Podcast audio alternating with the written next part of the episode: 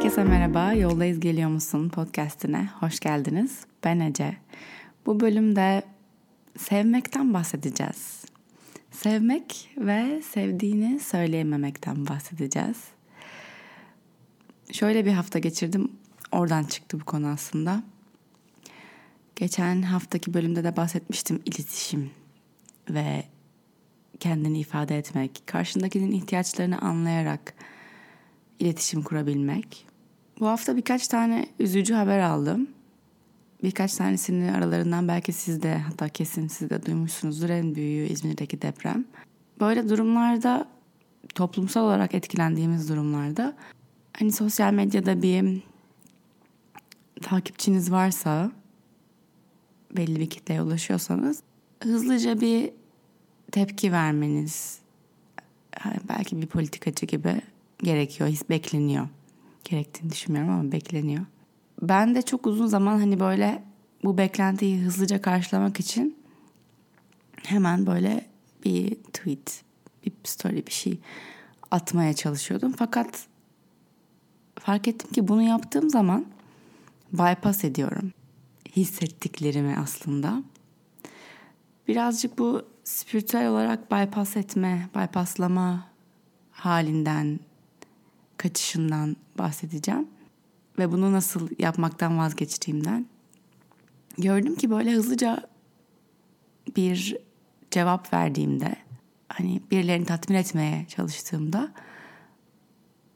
tamam o konu kapandı benim için ben yapacağımı yaptım gibi bir spiritüel bypass yapmaya geçiyorum. Şimdi nasıl yapıyorum bunu? Şimdi duruyorum ve bu, büyük haber, bu acıklı haber, bu üzücü haber, bu korkutucu haber benim içimde nasıl yankılanıyor? Oturup durup hissediyorum ve zaten o ilk artık geldiği anda haber böyle gelgitlerini hissetmeye başlıyorum. Başka belki işler yapmam gerekiyor. O anda oturup direkt meditasyonla hissetmeye vaktim olmayabiliyor her an gün içinde. Ama ilk bulduğum fırsatta oturuyorum. Bu sefer de oturdum. Ve oturduğum ilk an gelen ses neden bu kadar acı var? Neden bu kadar acı var? Neden bu kadar acı var diye böyle bir isyan halindeydi. Ve ben soruyu dedim ki tamam madem bu çıkıyor sor bakalım. Sor.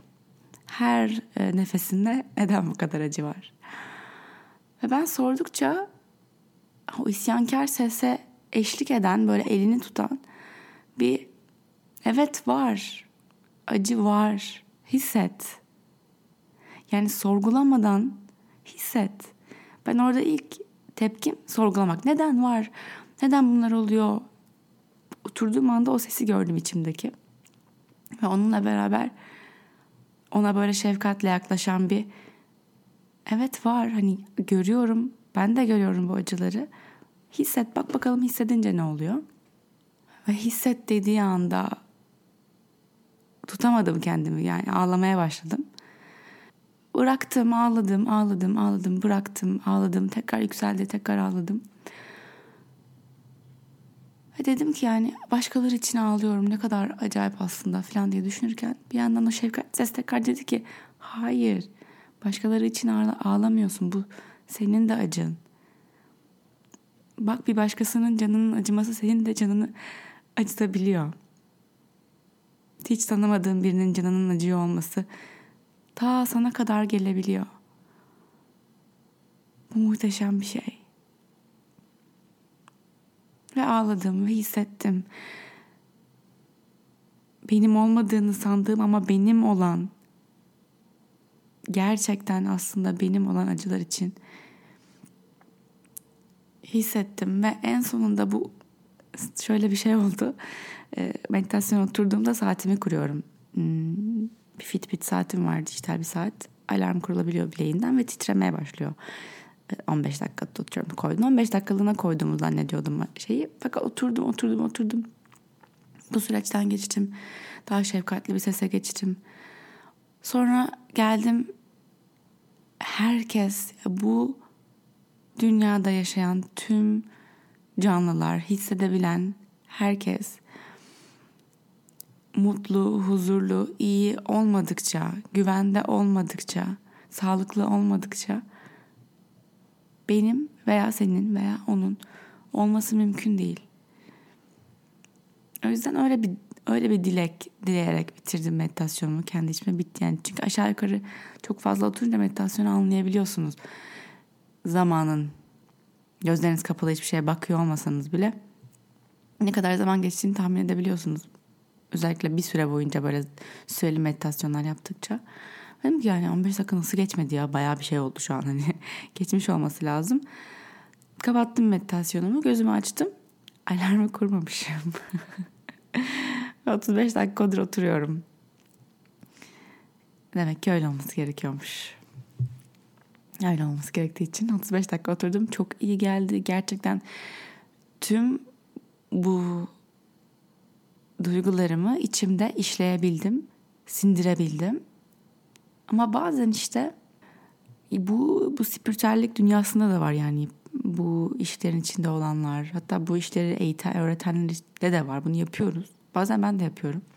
Çok hissetmesi güç bir duygu geldiğinde sindirmesi güç bir durumla karşılaştığında diyorsun ki işte bir palo santo ekeyim üstüme, birkaç kristal tutayım, meditasyonda oturup işte sevgiye odaklanayım, yoga yapayım, geçer. Amaç geçmesi değil aslında. Amaç hissedilmesi. Tabii ki yine palo santo'nu yakabilirsin, yine yoga yapabilirsin, yine meditasyon oturabilirsin vesaire ama bunları yaparken gerçekten bu durumun, bu duygunun, bu olayın sendeki yankılanması, yansıması, içindeki yarattığı dalgalar nasıl? Ufak ufak karaya vuruyorlar mı böyle? Sonra geri çekiliyorlar. Yoksa bir tsunami gibi kasıp kavuruyorlar mı içini? Duyguyu nasıl serbest bırakabilirsin? Nasıl yaşayıp serbest bırakabilirsin? Yanından böyle fişek hızıyla geçmeden. Gerçekten hayatımdan daha hafif daha özgür, daha yumuşak bir halle yaşadığımı fark ettim. Böyle spiritüel bypassları yapmamaya başladığımda. Ama çok insani, çok hepimizin içine dokunan bir yanı da var. Tüm doğal afetlerin aslında. İlk düşündüğümüz şey şu değil mi? Sevdiklerimi arayayım iyiler mi? Çünkü onu seviyorsun ve sevdiğinin iyi olmasını istiyorsun. Aslında bu farkındalık sadece korkutucu, üzücü, endişelendirici durumlarda çıkmayabilir. Veya hani sevdiklerinize sevdiğinizi söyleyin tweetleri sadece afetlerde dolaşmayabilir. Sevdiklerinize sevdiğinizi söyleyin demek çok kolay. Sevdiğinize sevdiğinizi söylemek bazen hiç kolay değil. Geçenlerde e, önce şuradan başlayayım. Bir e, işbirliği videosu paylaştım Instagram'da. Bir marka işbirliği saç şampuan. Ve onun çekim gününde duşta çekiyoruz videoyu. Çekeceğiz yani duşta çekeceğimiz kısmı en azından.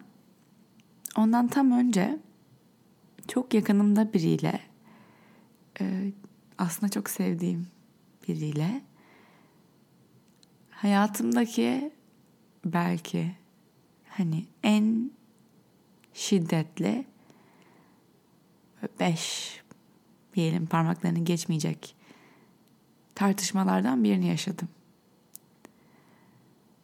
Gerçekten hani en son ne zaman böyle bir şey oldu hatırlamıyorum. E, herhalde ergenlikte falandım. Çok yükselin, yükselindi.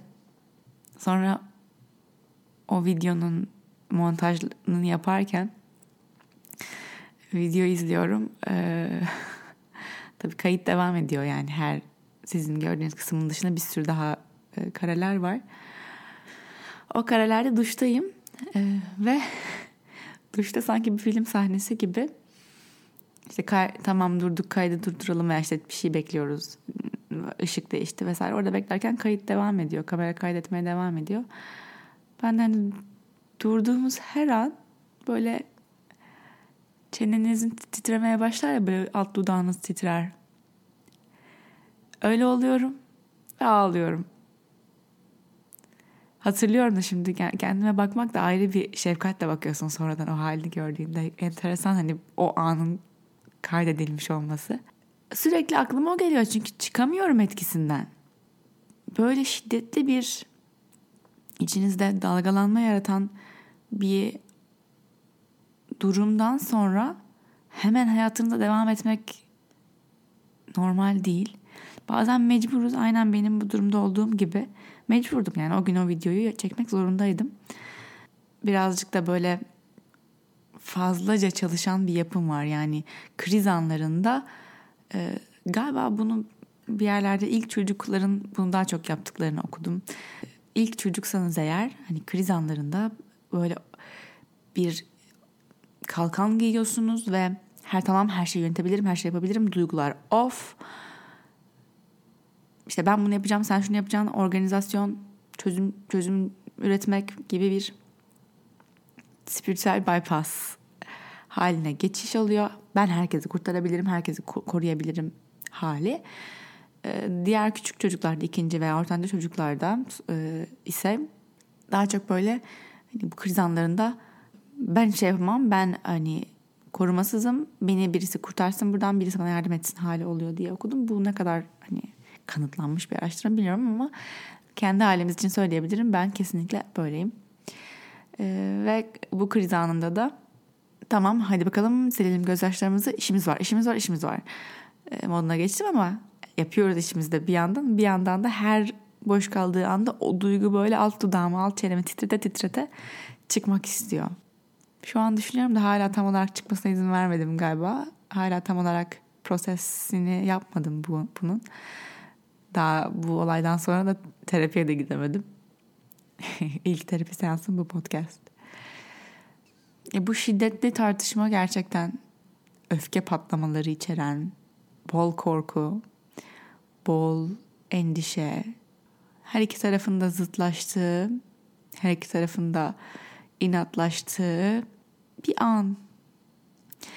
Ve ben normalde böyle anlarda, e, böyle anlar sonrasında o bahsettiğim o zırh giyme haline giriyorum. Normalim bu programlama programlanışım bu şekilde. Hayatımın hani bu e, yaşlarına kadar, son birkaç senesine kadar belki ilk tepkim böyle durumlarda bir duvar örmektir. O zaman tamam benden uzak dur, ben de senden uzak durayım, hayatından git, hiç konuşmayalım. Bazen bazı insanlarla hayatımda hatta en yakınımda olan insanlarla aylarca konuşmadığım zamanlar oldu. Böyle de bir inatçıyım.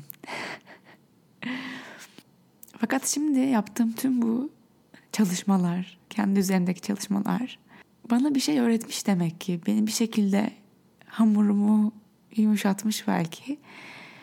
Çünkü ilk defa hayatımda gerçekten yani hani daha küçük tartışmalarda belki yapmışımdır arkadaşlarımla falan ama böyle böyle derin bir şeyden sonra böyle derin yaralara dokunan bir şeyden sonra ilk defa ben adım attım.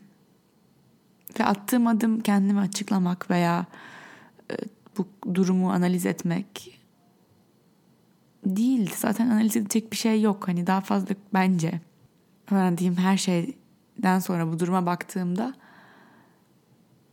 bu işin yumuşaması, çözümlenmesi için sadece serbest bırakmak gerekiyor. Yani anlaşamadığımızı anlaşmak ve birbirimizin acısını ve korkusunu ve yine de birbirimizi sevdiğimizi görebilmek gerekiyor. Bu, bununla beraber bu kişi çok yakınlarımda olmasına rağmen sevdiğimi söyleyemediğim biri. Ve bu özellikle bu pandemi sonrasında e, benim kafamı çok kurcalayan bir konu. Yani sevdiğimi söyleyemiyorum bu kişilere. Ve başkalarına mesela Can'a günde 10 kere, 100 kere, 1000 kere seni seviyorum diyorum. Seni çok seviyorum diyorum. Diyebiliyorum kolayca akıyor böyle ağzımdan bunlar ama bazen belki de bazı ilişkilerde bir birikmiş bir geçmişi olduğu için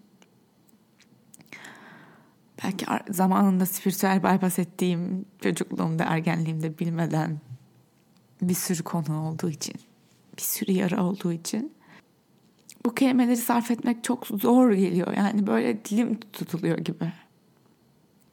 Şimdi bunun da farkındalığı var bir yandan. Bir su içeyim sesim çok titredi. Şimdi bir yandan bu farkındalık da var dediğim gibi ve biliyorum artık hani her söyleyemediğim anı fark eder bir haldeyim.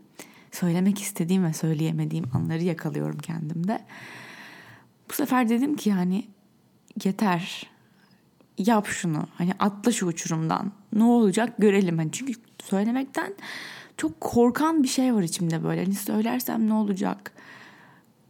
Kırılganlığımı gösterirsem nasıl bir şeyle karşılaşacağım? Çok fazla onun buna vereceği cevabı düşünerek hareket ettiğimi fark ettim. Ve dedim ki yani elini vicdanına kalbine koy. Yarın bir şey olsa bugünün nasıl bitmiş olmasını istiyorsun? Ve bir mesaj attım. Mesajda çok aslında 2-3 cümlelik bir mesaj. Ve hani söylediğim şey şu. Senin korkuların olduğunu görüyorum. Benim de korkularım var ama bunlar hani bizi uzaklaştırmasın. Ve onu sevdiğimi söyledim. Bu mesajı hani göndere basmak o WhatsApp'taki yandaki o küçük oka basmak böyle hani mide bulandırıcı, baş döndürücü, bayıltıcı bir histi. Bu podcast'ı dinlemeyeceğine güvenerek bunları böyle anlatıyorum. bu kişinin. Ve bütün bu korkuya rağmen hani size de belki ilham olsun diye bunu anlatıyorum. Bütün bu korkuya rağmen e, o fosforlu yeşil bir çizgi film kusmuğu gibi hissediyordum kendime. Ama göndere bastım. Göndere bastım ve neyse ki böyle o akşam başka meşgalelerim oldu. Cevap cevap okumak zorunda e, cevabı beklerken çok böyle aklıma gelse de ara ara serbest bırakabildim. Ve gelen cevap uzun bir süre sonra bu arada gelen cevap. O süre boyunca da ben kendi içimde neler olduğunu yine gözlemleme fırsatı, fırsat diyorum buna. Buldum. Ve sonra gelen cevap benim tırnak içinde umduğum değildi. Ama bunu da kabullenmeyi öğrendim. Öğreniyorum, öğretiyor bana evren artık bir şekilde. Çünkü ben onu zaten onun bana vereceği cevap için atmadım ki ben onu kendi içimi paylaşmak için attım. Benim için bir önceki bölümde de bir devrimden bahsettik ya yine bir devrimdi bu bunu yapabilmek ve bunun için kendime şefkatli olabilirim. Bir başkasının bana şefkatli olmasına belki ihtiyacım var ama o bir başkası yine kendi içimdeki bir ses olabilir. Bu ihtiyacı görüyorum ve bu ihtiyacı kendi kendime telkin edebiliyorum. Edebilirim. Belki şu an edemiyorum ama belki şu an edemiyorsun ama edebilirsin. Böyle bir şey mümkün. Bunun mümkün olduğunu bilerek belki bir sonraki durumda böyle kendi kendine yaklaşabilirsin. Kaçmadan, içinde kalarak, iletişimde kalmak. Bir önceki bölümde tam bahsettim bu şiddetsiz iletişimden. Tam bölümün üzerine oldu bu olay. Yani kendi kendime güldüm. Bak Ece söylediğin şeyleri bakalım kendin uygulayabiliyor musun? Bak bakalım diye beni test ediyor evren diye. Yol kat ettiğimi gördüm. Onun ihtiyaçlarını görebildim. Belki o an o hani ateşin içindeyken değil de çıktıktan sonra nasıl sakin kalabiliyorsun? Yazmış biri. Sakin kalamadığım her anı hissederek kaçmadan o anlardan her kriz anında nefes alarak kriz anlarında nefes almayı normalim olacak şekilde programlıyorum kendimde. Çünkü her kaçtığında sakin kalamadığın anlardaki o duygulardan bir sonraki benzer durumda öncekinin birikintisiyle şu ankini görüyorsun ve yine ondan kaçıyorsun. Sonra bir şey daha oluyor. Ve bir önceki ve bir önceki sefer kaçtığın duygular hala oradayken üzerine bir de bu biniyor. Bundan da kaçıyorsun. Ve böyle üst üste, üst üste, üst üste, üst üste biniyor. Bir Jenga oyunu gibi düşün. Bilir misiniz böyle üst üste bir kule yapılır taşlardan. Yavaş yavaş çekmeye çalışırsın taşları ve kule yıkılana kadar. Kimin çektiği taş düşürürse o kaybeder. Böyle böyle üst üste biniyor bu her durumda kaçtığın duygular, Cenga gibi. Ve sen onlardan kaçtıkça, onları hissetmekten kaçtıkça hep şuradan şunu atayım da hissetmeyeyim. Buradan bunu çıkarayım da spiritüel bypass yapayım. Şuradan şunu yapayım, çıkarayım da kafam dağılsın. Her dediğinde o Cenga kulen biraz daha az sağlamlaşıyor. Ve bir gün bir yerde tekrar bir şeyden kaçmaya çalışırken çektiğinde tüm kule bir anda yıkılıyor.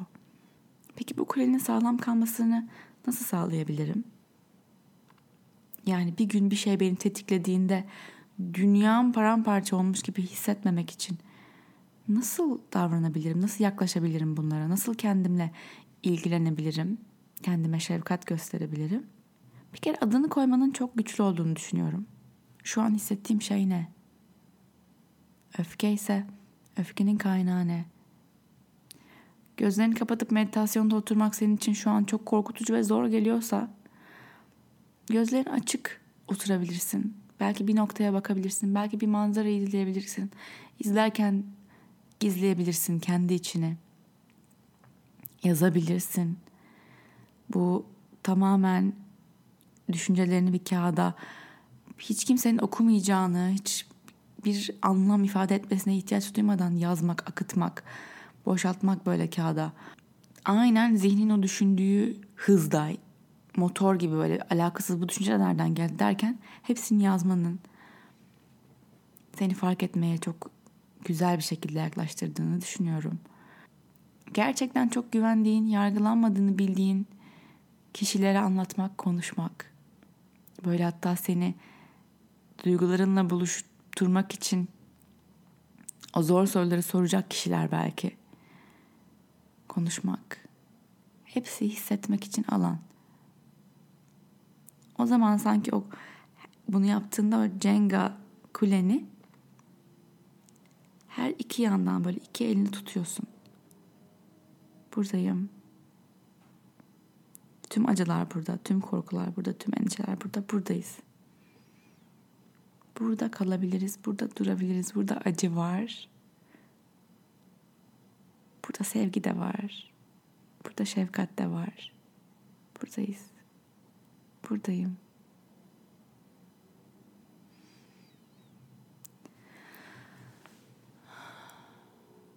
Kimsen yok gibi hissediyorsan bunları bu şekilde konuşacak veya paylaşacak bir niyetle Flow Online'ı kurduk.